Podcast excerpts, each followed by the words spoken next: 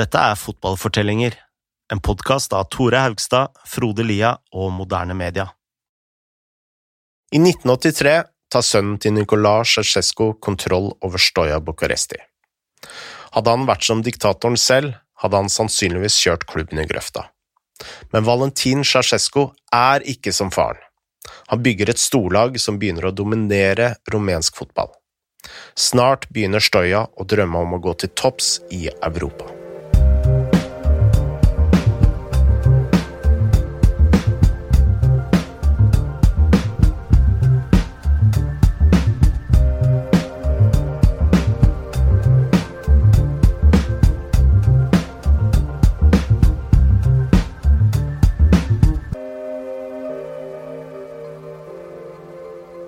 Det heter jo at eplet ikke faller langt fra stammen, men i dette tilfellet så havna, havna eplet ganske langt unna stammen. Ja, det kan vi trygt si. Iallfall med Valentin. Han hadde i hvert fall veldig lite til felles med sin far Nicolas. For foreldrene ville at han skulle bli diktatorens potensielle etterfølger, men dette skulle i stedet bli lillebroren Nico, som var en bortskjemt alkoholiker. Mm. Valentin han hadde helt andre planer enn å styre et kommunistisk land. Han hadde det, eh, mens både faren og lillebroren var ja, ikke bare litt stormannsgale, de var fullstendig De var gigomane. sprø eh, stormannsgale. Um, så var Valentin en, ja, en litt sånn intellektuell fyr som ja, kjørte en liten sånn Dacia-bil.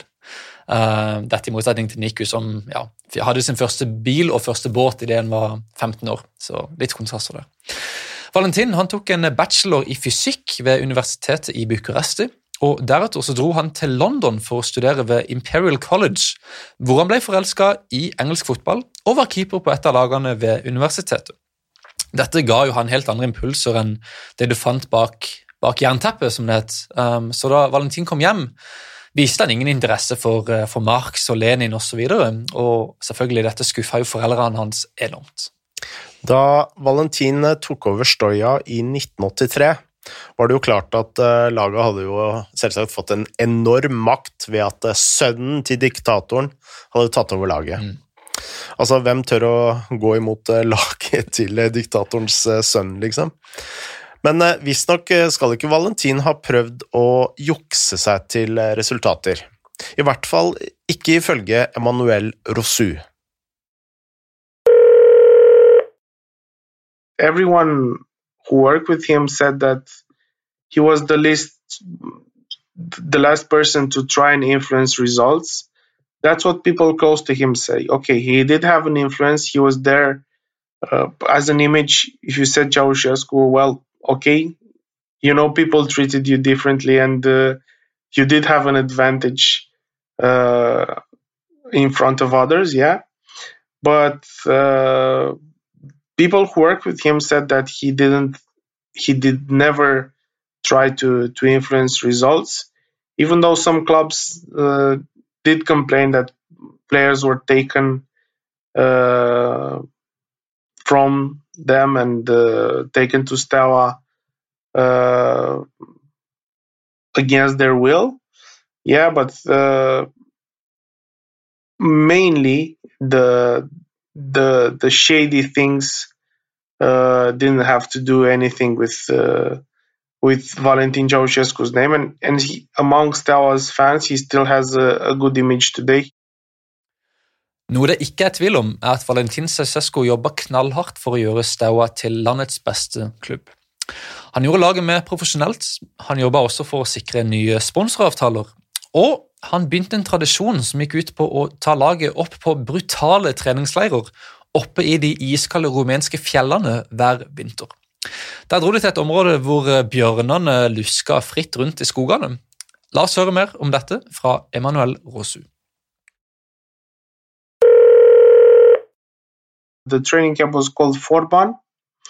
Uh, they did this uh, every year before in the summer and in the winter, even after the fall of communism, even uh, until the year I don't know 2000 maybe or around that they uh, went there for training camps for physical training camps uh, it was a Stella tradition to go there and uh, have training done. Um, yeah, that's what where they they went. It's uh, uh, a place uh, which players didn't uh, don't remember fondly of because it was the most difficult part of the season for them to the physical training all the the uh, physical trauma let's call it like that was uh, was happening there. Uh, you need to know that uh, the communist style of uh, of preparation very long uh, running courses uh, around the mountains. So they were very very very well prepared. many of the players remember running for tens of kilometers without seeing a car and uh, with uh, a car from someone at the club just checking if they were okay every now and then and also there are stories about uh, uh, players sawing, seeing a car and uh, waving to it so they could be taken and they would skip a few kilometers of running. They were living in a very strict, uh, very strict environment. Uh, they had meetings with the generals and with the people uh, in the army. Um, it was no fun, you know. It was a serious matter. If they did something uh, which wasn't according to club regulations, they used to uh, appear in front of a com- committee of members from the army. So it was uh, actually it wasn't just a joke. It wasn't just a spiritual connection between the army and the players. No, it was uh, way more than that. Under Valentins ledelse begynte Stoya å sette sammen et eh, veldig sterkt lag. Treneren var Emmerich Genai, et eh, tidligere midtbaneanker som hadde vunnet fire ligatitler med Stoya på 60-tallet. Han hadde også vunnet to ligatitler med Stoja som eh, trener sent på 70-tallet, og nå var han altså tilbake i sjefsstolen. Stoja fikk også på plass en storskårer i form av Victoria Piturka. Eh, De hadde hentet han fra Olt, noe de gjorde med mange spillere, eh, siden dette ja, naturligvis var linka til Nicolai Cesescu også. Men Piturka da hadde de også henta ved bl.a. å love kona hans en plass ved universitetet i Bucuresti. En annen greie de hadde lovt frem, var at de, altså de hadde gitt han lov til å kjøpe en Aro Land Rover, som var et ja, Det var ikke en selvfølge at du fikk lov å kjøpe dette på den tida i Romania. Det hørtes dyrt ut. Ja, veldig, veldig dyrt. Dette til tross var det Dinamo som tok sin tredje strake tittel i 1984. Men Valentin fortsatte å forsterke Stoja, og i 1985 kunne han og hæren feire et eh, etterlengtet uh, ligatittel. Valentin eh, hadde oppnådd suksess ved hjelp av fornuftig administrasjon, noe som eh, man ikke kunne si om eh, faren. Slett ikke. Mens Stoja kniva med Dinamo på fotballbanen, var Nicolas Ceausescu i ferd med å rive Romania i stykker. På 70-tallet hadde han tatt opp enorme lån med IMF for å bygge opp industrivirksomheten i landet. Han, eh, altså Dette var ikke noe demokratiske valg heller. Han, han gjorde som han ville, og folk måtte følge ordre. Så han tvang da folk ut fra landsbyene og inn i byene, hvor de måtte bo i dystre betongblokker, og hvor Securitate kunne overvåke det de sa. Samtidig sparte opp eh, en rekke fabrikker da rundt i landet som spytta ut skranglete trøkker og traktorer. Ceaucescu endret også på hvordan byene så ut. I 1977 ble Bucuresti rammet av et kraftig jordskjelv som tok livet av mer enn 1500 mennesker. Dette brukte han som en unnskyldning til å bygge et nytt parlament. Dette parlamentet skulle ha tolv etasjer, 1100 rom og dekke 365 000 kvadratmeter. Dette skulle bli det største bygget i Europa, og det tyngste i verden. Ja, og dette ble bygd, eh, kan vi, såpass kan vi røpe. og Hvis du går inn på Google og, og ser det, så er det et monster av en sånn svær, tung, mm, klossete bygning.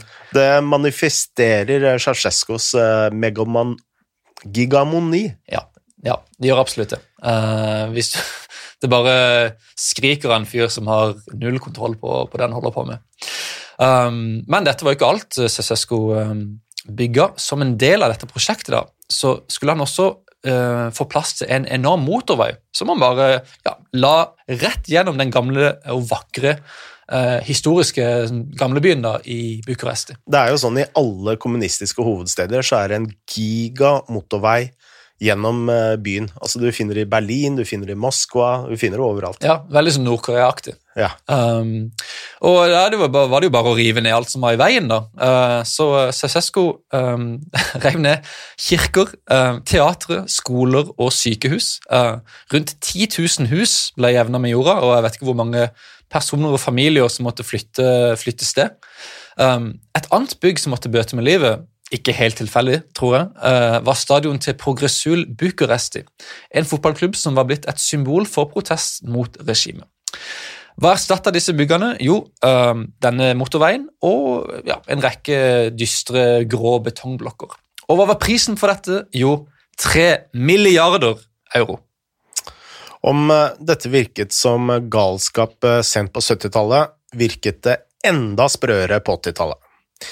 I 1980 bestemte nemlig, nemlig Ceaucescu seg for at eh, Romania skulle betale ned lånet så fort som mulig. For å kunne oppnå dette innførte han drastiske innstrammingstiltak som rammet eh, folket beinhardt. Han eh, eksporterte også nesten alt av verdi som Romania produserte. Mm. Dette betydde at Romania ja, solgte unna alt de eide, uten at folket fikk noe igjen for det. De måtte betale prisen for at Ceaucescu hadde bygd dette palasset, eller skulle bygge dette palasset og hadde bygget alle disse fabrikkene. Um, og snart da så sto folk i Bucuresti i lange køer kun for å få mat. Det var, det var som en krigstid. Uh, det var nesten umulig å få tak i kjøtt fordi de hadde solgt unna alt kjøttet de produserte. Uh, på natta ble strømmen skrudd av for å spare penger. Um, oppvarming var så dyrt at folk satt med frakken på inne på operaen. Um, bensin ble så dyrt at flere gikk tilbake til hest og kjerre.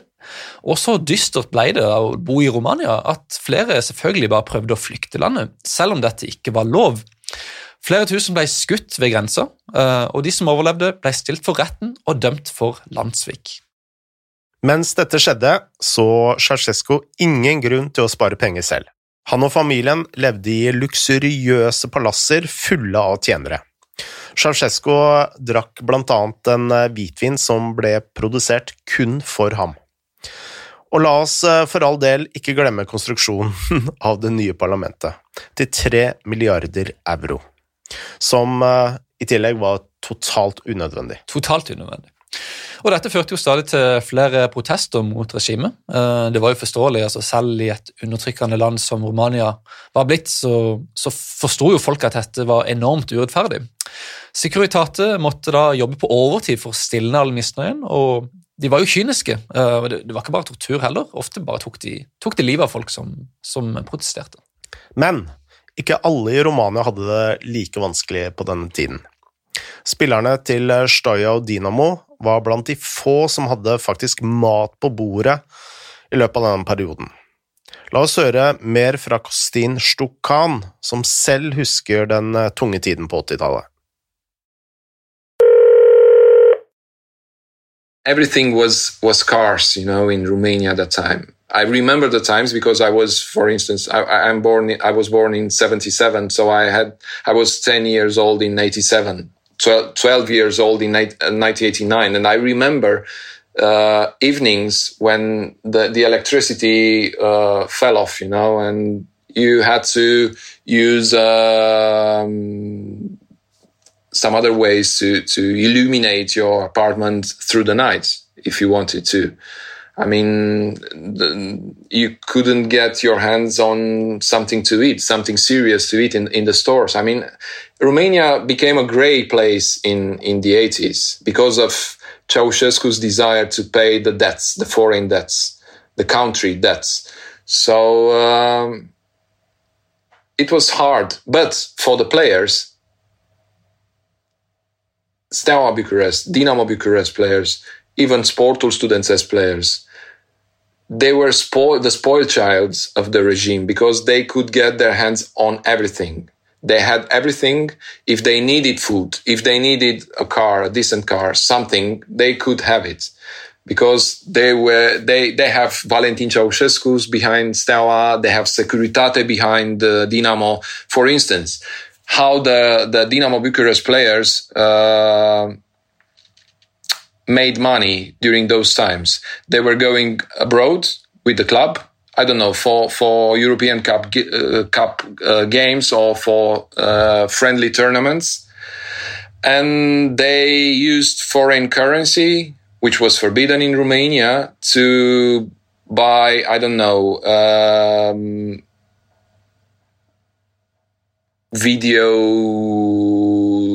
tapes uh, video recorders, um, a lot of things, you know, that you cannot find in Romania. Uh, jeans, uh, coffee, uh, everything. They they bought everything from from abroad, and they could bring those those goods inside Romania because at the at the at the border. The, the officer at the border were Securitate people, you know, and Dinamo Bucharest uh, players and officials, of course, could bring everything in, in, into the country. I mean, they were not forbidden to bring those things that other people, people couldn't bring. I mean, if you, you, me, uh, went abroad and wanted to bring back a video recorder for you, not, not to sell it in Romania, uh, you couldn't bring it. But this guy could bring, I don't know, 10, five, ten video recorders, or I don't know, uh, uh, tens of jeans pairs and everything like that, you know. And they, they they use those goods to sell it in Romania on the black market to to make money. So Dinamo Bucharest were were spoiled childs. Steaua Bucharest also were were for for those times they were spoiled in Romania, the players. Det må altså ha vært en veldig fin tid å spille for Stoya og Dynamo på 80-tallet. Men eh, til gjengjeld for denne fine behandlingen krevde regimet resultater. Da spesielt i internasjonale turneringer. La oss eh, høre fra Emmanuel Rosu om hvorfor Ceaucescu var så opptatt av eh, akkurat dette her.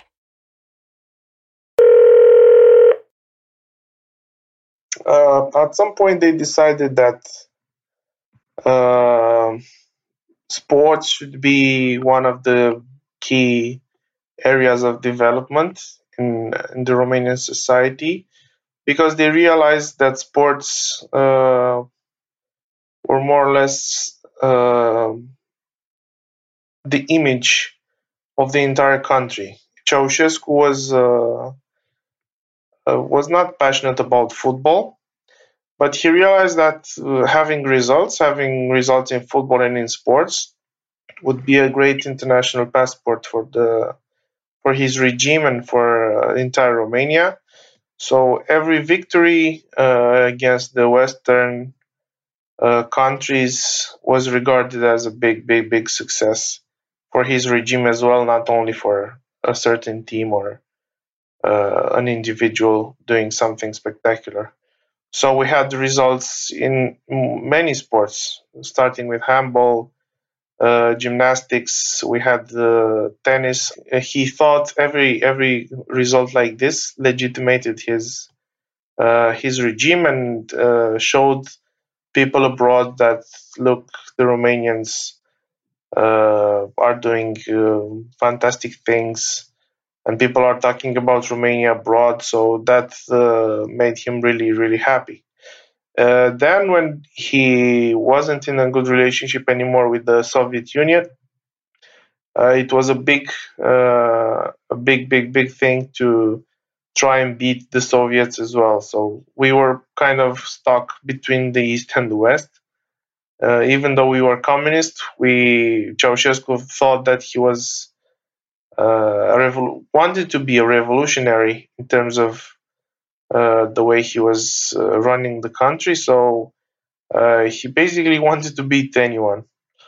uh, and thought that sport was uh, was a very good vehicle to to validate him and, and the way he was he was acting. Denne strategien fungerte i stor grad for i hvert fall om man ser på fotballen. Tidlig på 80-tallet var de rumenske lagene råsterke, og det hjalp åpenbart at de beste spillerne ikke hadde lov til å forlate landet. Um, I 1982 for eksempel, så nådde Universitatea Krajova kvartfinalen i Champions League. Og det måtte et storlag til som Bayern München for å sende de tilbake til Romania. Dette var eh, heller ikke noe blaff. Året etter nådde Krajova semifinalen og slå ut lag som Fiorentina, Bordeaux og Kaiserslautern. I semifinalen tapte de mot eh, Benfica, og det var på bortemålsregelen. Ja. Og så, året etter det igjen, var det Dinamo sin tur. Eh, også de nådde altså kvart, nei, semifinalen i Champions League. Eh, og det var, de måtte møte Liverpool da for å, for å tape, Eh, så det var liksom Det var virkelig virkelig gode lag her. Eh, vi snakker her om én kvartfinale og to semifinaler på tre år for rumensk fotball. Eh, og det var jo en enorm suksess for et sånt land. Dette til tross var ikke regimet akkurat storfornøyd med prestasjonene. La oss eh, sette over til Kostin Stukan.